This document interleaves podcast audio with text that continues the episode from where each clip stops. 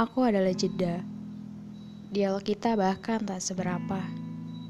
Yang aku pahami sekarang, ternyata sulit menjadi epilog dalam naskah yang kau tulis menjadi banyak cerita, banyak tokoh di dalamnya.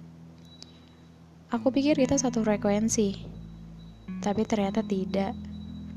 Kamu dengan irama, sedang aku dengan aksara. Kolaborasi kita tak apik jika terus dipaksa. Waktu itu senja mengantarku pada sebuah jalan.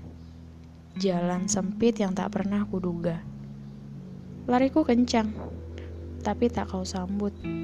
Baiklah, tak mengapa. Biar saja jalan ini kusimpan. Ku kenang, sampai nanti kan ku buang. Aku pamit ya, pamit pulang.